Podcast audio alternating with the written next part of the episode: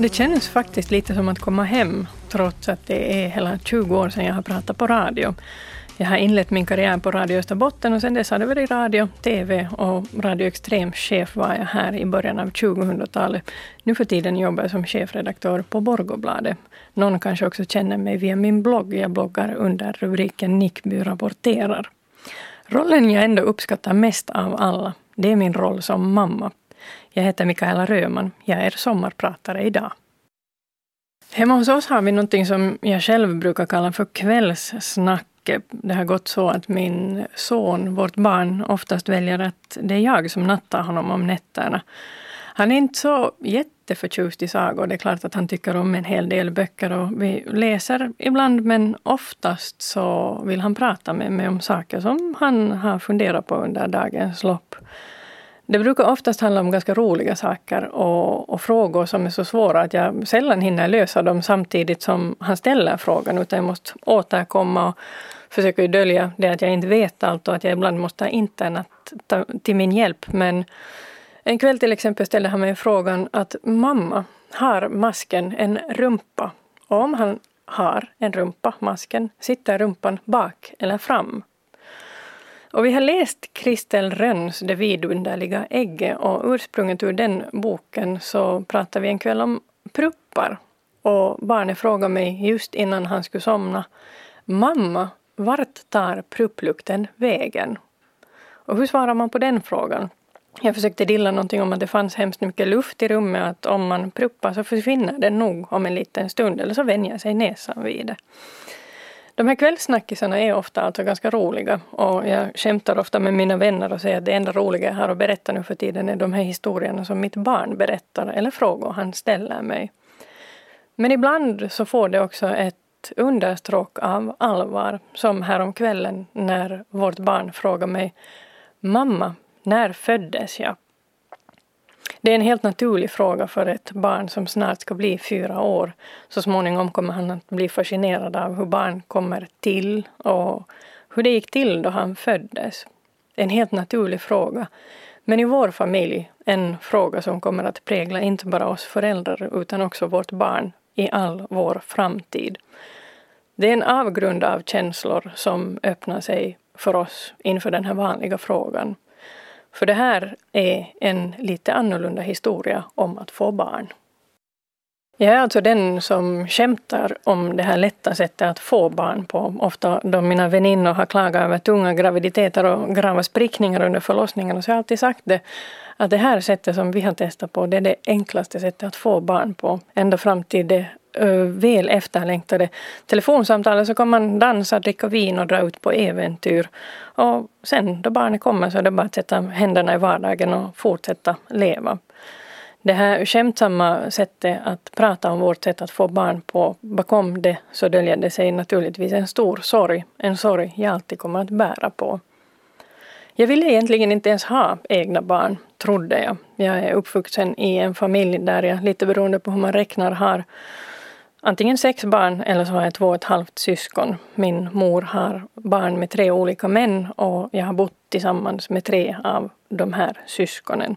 Som det bästa exemplet på hur råddigt det kunde vara, det var att vi vid ett tillfälle hade tre olika efternamn i familjen. Och jag som själv tycker att jag är ganska liberal bestämde mig till exempel för att då vi gifte oss, min man och jag, att ta min mans efternamn för att de barn vi skulle få garanterat alltid skulle ha samma namn så att de inte behövde svara på den här frågan att hur kan det komma sig att ni alla heter olika? Bakom det här med så pass många syskon så döljer sig också det att jag bar ett ganska stort ansvar för mina yngre syskon då jag var liten. Jag bar ett ansvar som nästan var fullvuxet för dem ända tills jag flyttade hemifrån. Så jag levde ganska länge i den känslan att jag redan hade varit mamma i 18 år. Men jag menar som unga kvinnor ofta säger, om det sen är privat, personligt eller då det gäller arbete, så är ju normen den att man ska skaffa barn, som det heter. Och inte bara normen, utan det är klart att till exempel min mans familj var jätteintresserade av när vi skulle få egna barn. Och innan det visade sig att vi skulle ha problem att få egna barn så var jag nu allmänt bara arg då någon tyckte att vi så småningom skulle kunna ha en bulle i ugnen eller när släktingarna kom och sa att ja, ja, det är nog dags att ni gör din mans föräldrar nu också till farföräldrar, att det är ju orättvist annars. Ett gott exempel på hur galet det kunde gå var när vi för första gången tillsammans med min man funderade på att vi borde skaffa bil. Och min svärfar som är väldigt bilintresserad sa att jo, jo, och då ni köper bil så måste det finnas utrymme för barnvagn i bakluckan. Och för en gångs skull så var jag ganska rapp i truten och sa att det skulle se väldigt galet ut om vi skulle köra omkring med en barnvagn i barn, bakluckan då vi inte ens har barn. Den gången var han tyst.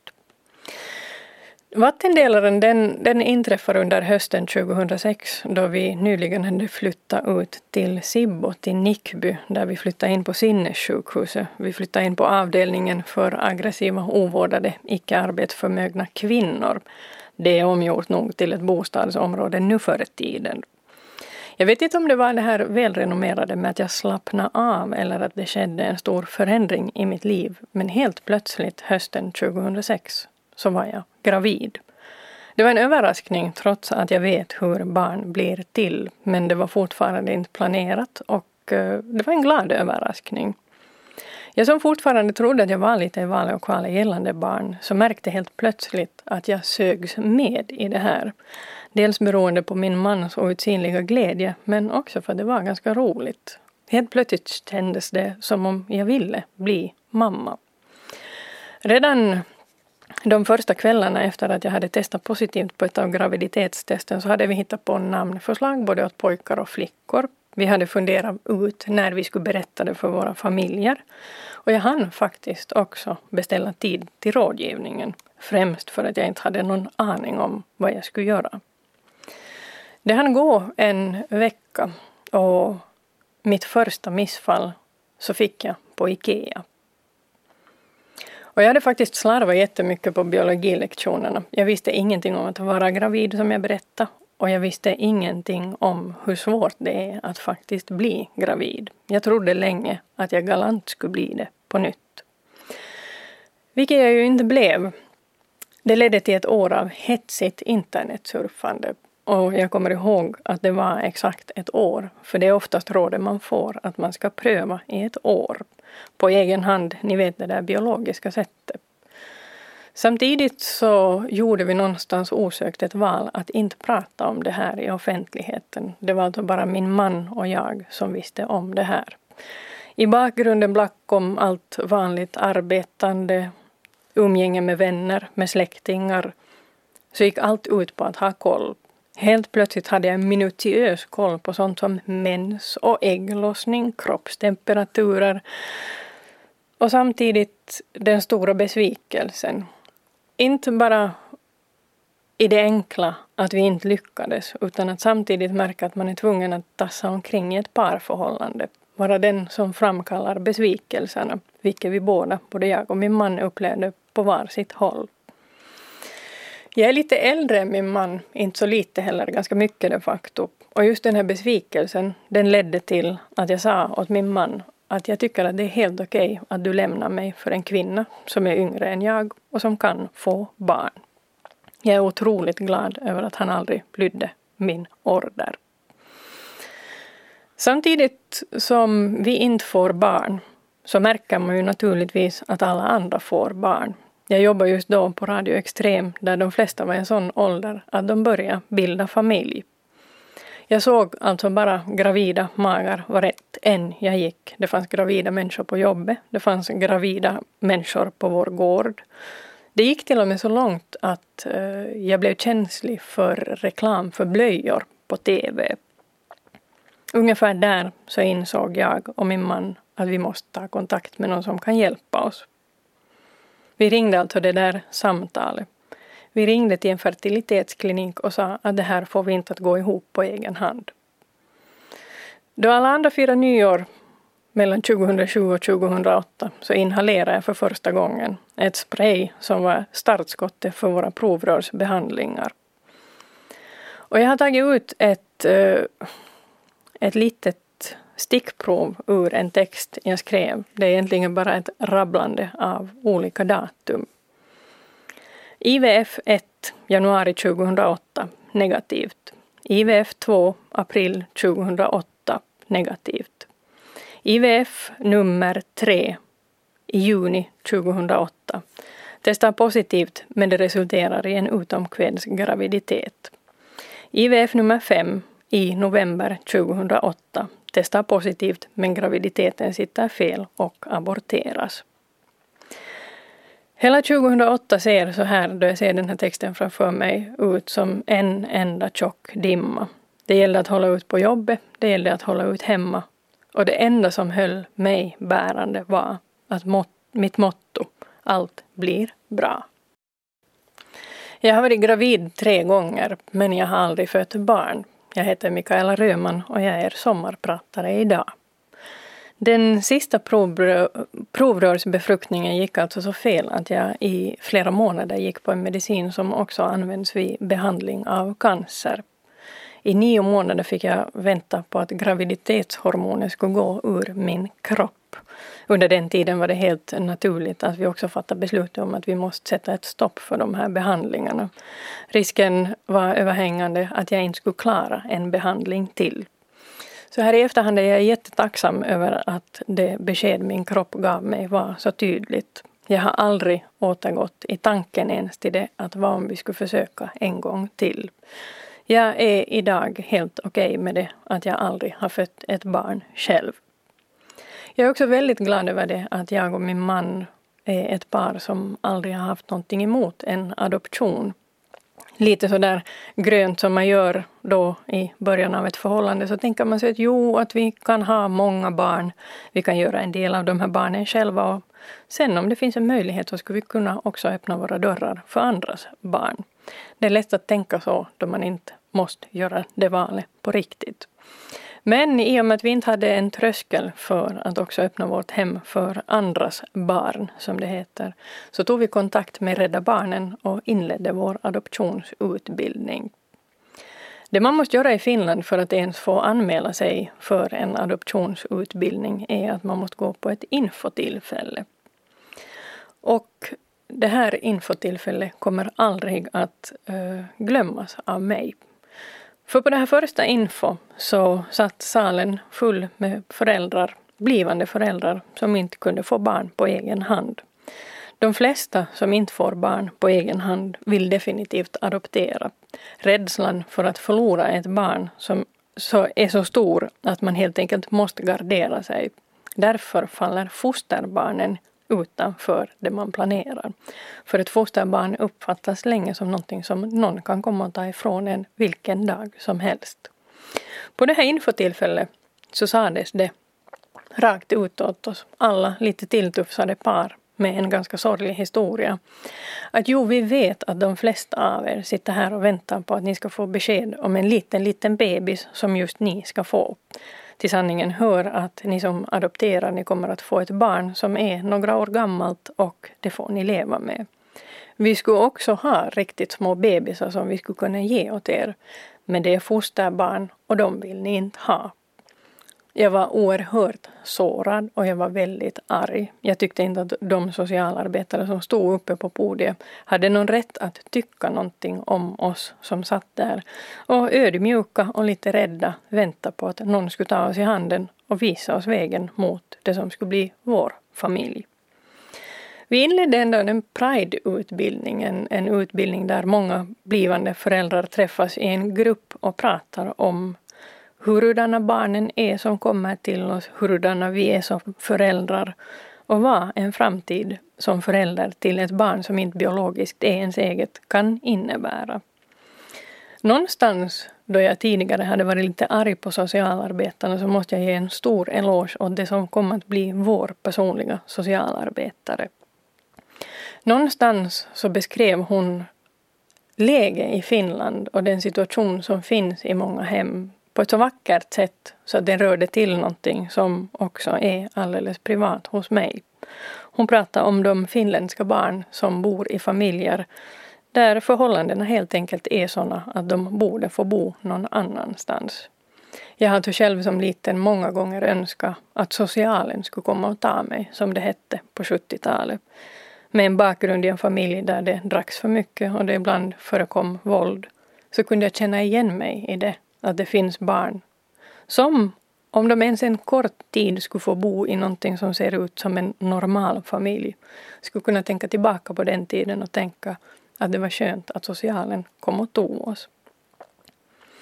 Så jag satt under en av utbildningarna och märkte att jag inte alls behöver få den där kinesiska flickan, mitt eget barn, utan att jag kunde kanske tänka mig att öppna dörren för ett barn som kanske bodde alldeles nära intill i det som såg ut som en helt normal finländsk familj. Med den risken att det här fosterbarnets familj skulle få sån ordning på sitt eget liv att den kanske skulle kunna få sitt barn tillbaka. Jag nämnde det här för min man i bilen då vi var på väg hem efter en av utbildningarna. Och han tittade på mig, han som mest av allt ville bli pappa, och sa att han hade tänkt på precis samma sak. Så där skedde en switch under våren 2009. Helt plötsligt bytte vi från att stenhårt ha satsat på internationell adoption, att välja det som var lite mer riskfyllt, att bli fosterföräldrar åt ett finländskt barn. Vi blev utexaminerade, testade och eh, kollade och godkända under våren 2009. Då var det så att säga bara att inleda en väntan. Fast vi hade ju väntat så länge redan, allt sedan hösten 2006 om man nu vill sätta ner fingret någonstans i kalendern. Och då inleddes vår väntan på samtalet man inte kan förbereda sig på. Jag hade faktiskt under hösten 2009, en lång tid efter att vi hade blivit utexaminerade och godkända, just tänkt tanken att kanske borde ringa och kolla i vilken mapp våra papper har landat, för att jag hade inte hört någonting på väldigt länge. Och en dag så satt jag här på rundradion i ett möte med en arbetskompis, en kollega som just då var hemma med sitt barn ett litet barn på fem och en halv månad ungefär. Och mötet gick ut på att den här rätt nyblivna mamman undrade att kommer jag att vara här då hon kommer tillbaka från sin ledighet? Och jag som då inte hade någon moderskapsledighet eller någon annan ledighet att se fram emot att vart skulle jag nu försvinna härifrån? Här sitter ju jag. Efter det här mötet med den här nyblivna mamman så tittade jag på min mobiltelefon och jag hade två missade samtal från vår socialarbetare. Och det var det samtalet, samtalet man aldrig kan vara förberedd på. Jag har säkert aldrig varit så nervös som jag var då jag slog det samtalet tillbaka till vår socialarbetare. Sakta började hon berätta att det nu fanns ett barn. Det här var alltså i februari 2010 ett barn som på något sätt hade fått vår socialarbetare att känna att just vi skulle vara lämpliga föräldrar för barnet. Sakta, eller det var inte så sakta då längre, utan med ganska hög hastighet i orden så sa vår socialarbetare åt mig i telefonen att det är ganska bråttom nu. Det här barnet kommer till oss om två veckor. Oftast brukar det ta ett halvt år till och med ett år innan barnet är berett att komma hem till det som blir dess nya familj. Det blir ju lite stolligt. Två veckor, det är ganska lite tid om man jämför till exempel med en naturlig graviditet. Då har föräldrar ungefär nio månader på sig att förbereda sig på att ett barn ska komma. Vi hade två veckor på oss, vi hade ingenting. Vi var drömmen för alla de som säljer barngrejer, ni vet sängar, pottor, kötbord. Vi hade ju inte ens en aning om vad vi behövde. Och det är ju ganska lätt att sälja saker åt sådana som har panik, som åt oss till exempel. Det bästa och det exempel jag aldrig kommer att glömma var det var på VIP vippen att köpa en specialdesignad skräppåse för blöjor för att i den här långa, långa påsen, det var som en tub, så kunde man vira in bajsblöjorna så det såg ut som ett pärlhalsband. Och där ungefär tänkte jag att okej, okay, det här är inte det jag behöver. Annars är vårt hem ganska redo för ett barn. Två veckor efter att vi hade fått samtalet om barnet som hade valt oss till sina föräldrar så satte vi oss i bilen för att ge oss ut på det som skulle vara den längsta bilresan i våra liv. Vi styrde kosan mot det familjehem där barnet väntade på oss. Barnet var vid det tillfälle vi åkte för att hämta honom drygt fem månader gammalt redan. Det var en stor omställning för oss för vi hade blivit utbildade för ett barn på två, tre år. Istället för att få ett litet barn så fick vi nu en bebis. I efterhand så kan jag säga det att jag är jätteglad att jag fick uppleva tiden med en bebis. Det är någonting som jag först nu vågar säga att det skulle jag ha saknat. Vi satt i bilen, parkerade framför det som var familjehemmet hemmet där det här barnet bodde, hade bott hela sitt liv, ända sedan sin födsel. Och medveten om att jag låter som en riktigt gammal tant nu så finns det vissa ögonblick som har etsat sig fast i mitt minne. Och ett av dem är då dörren för första gången öppnas. I famnen på mamman i familjen så fanns då det som nu är vårt barn. Stora, mörka, blå ögon, butter uppsyn. Tittar på oss. Och jag har ännu också en känsla av att han tittar på oss för att avgöra att är de här okej okay eller ej. Och som jag sa tidigare, jag har ganska stor erfarenhet av barn, mina syskon. Allt som också mina syskon har barn idag, så det här med att byta blöjor, ge tuttflaska, mata barn är ingenting nytt för mig.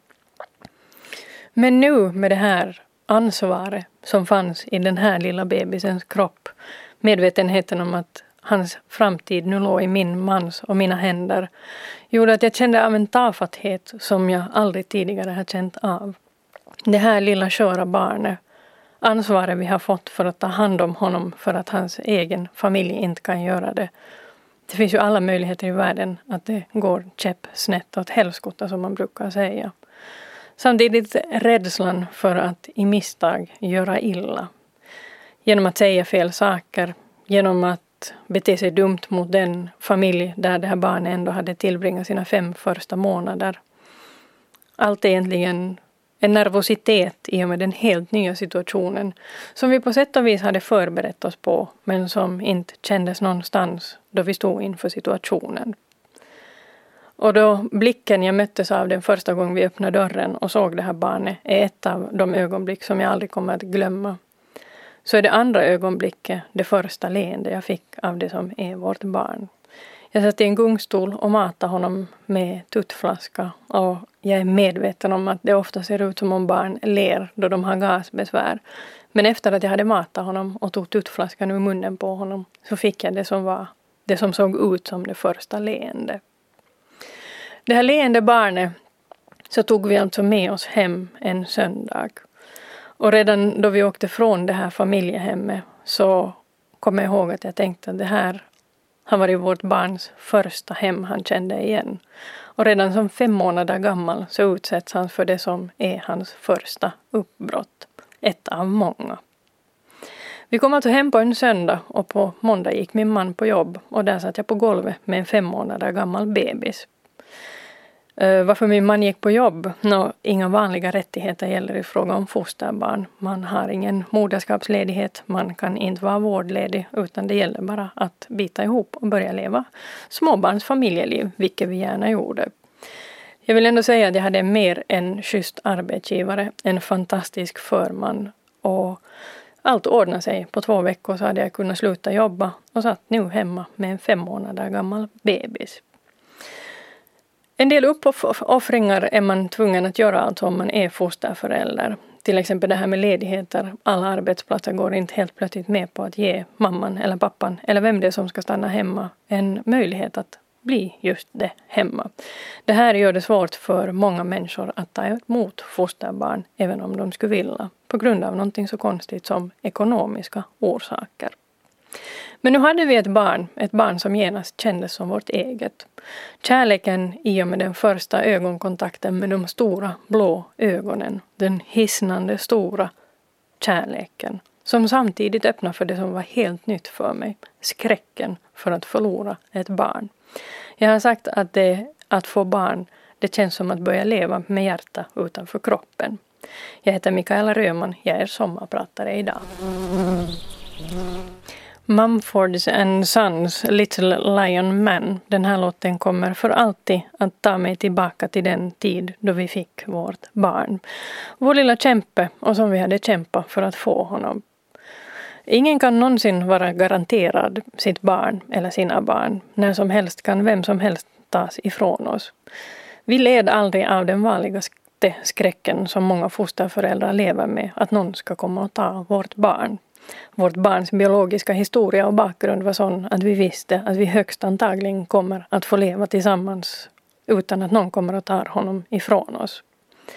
Men ändå, trots den ingången i vårt förhållande så drabbades jag helt plötsligt, kanske just driven av det här med skräcken för att förlora ett barn på ett annat sätt, av en plötslig känsla av att vad händer om det händer någonting med mig eller min man samtidigt eller på skilda håll. Skulle vi till exempel ha dött i en trafikolycka så skulle det här barnet på inget sätt ha haft en tillhörighet till det som redan älskar honom. Inte till vår släkt, inte till våra vänner, inte till alla bekanta som bor på vår gård. Därför var det en outsinlig glädje att få höra att vårt barns biologiska bakgrund och vår socialarbetare och vi föreslog en adoption rätt samtidigt faktiskt.